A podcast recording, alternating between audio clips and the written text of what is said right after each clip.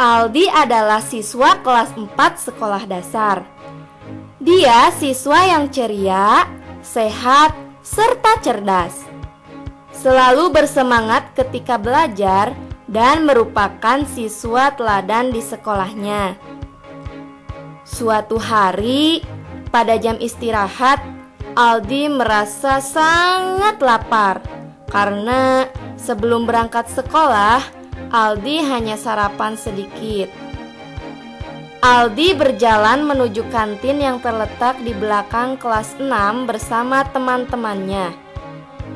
Sesampainya di kantin, Aldi melihat-lihat jajanan.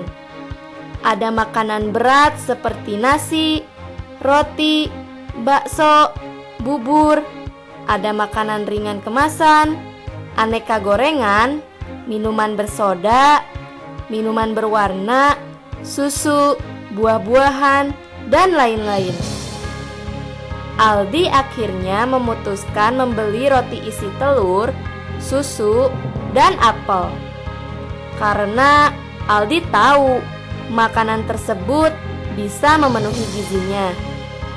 Roti mengandung karbohidrat, telur mengandung protein, susu mengandung kalsium, dan apel mengandung vitamin. Aldi kemudian membayar seluruh jajanannya seharga Rp4.000 dan bergegas ke taman sekolah untuk memakan jajanan yang dibeli bersama teman-temannya.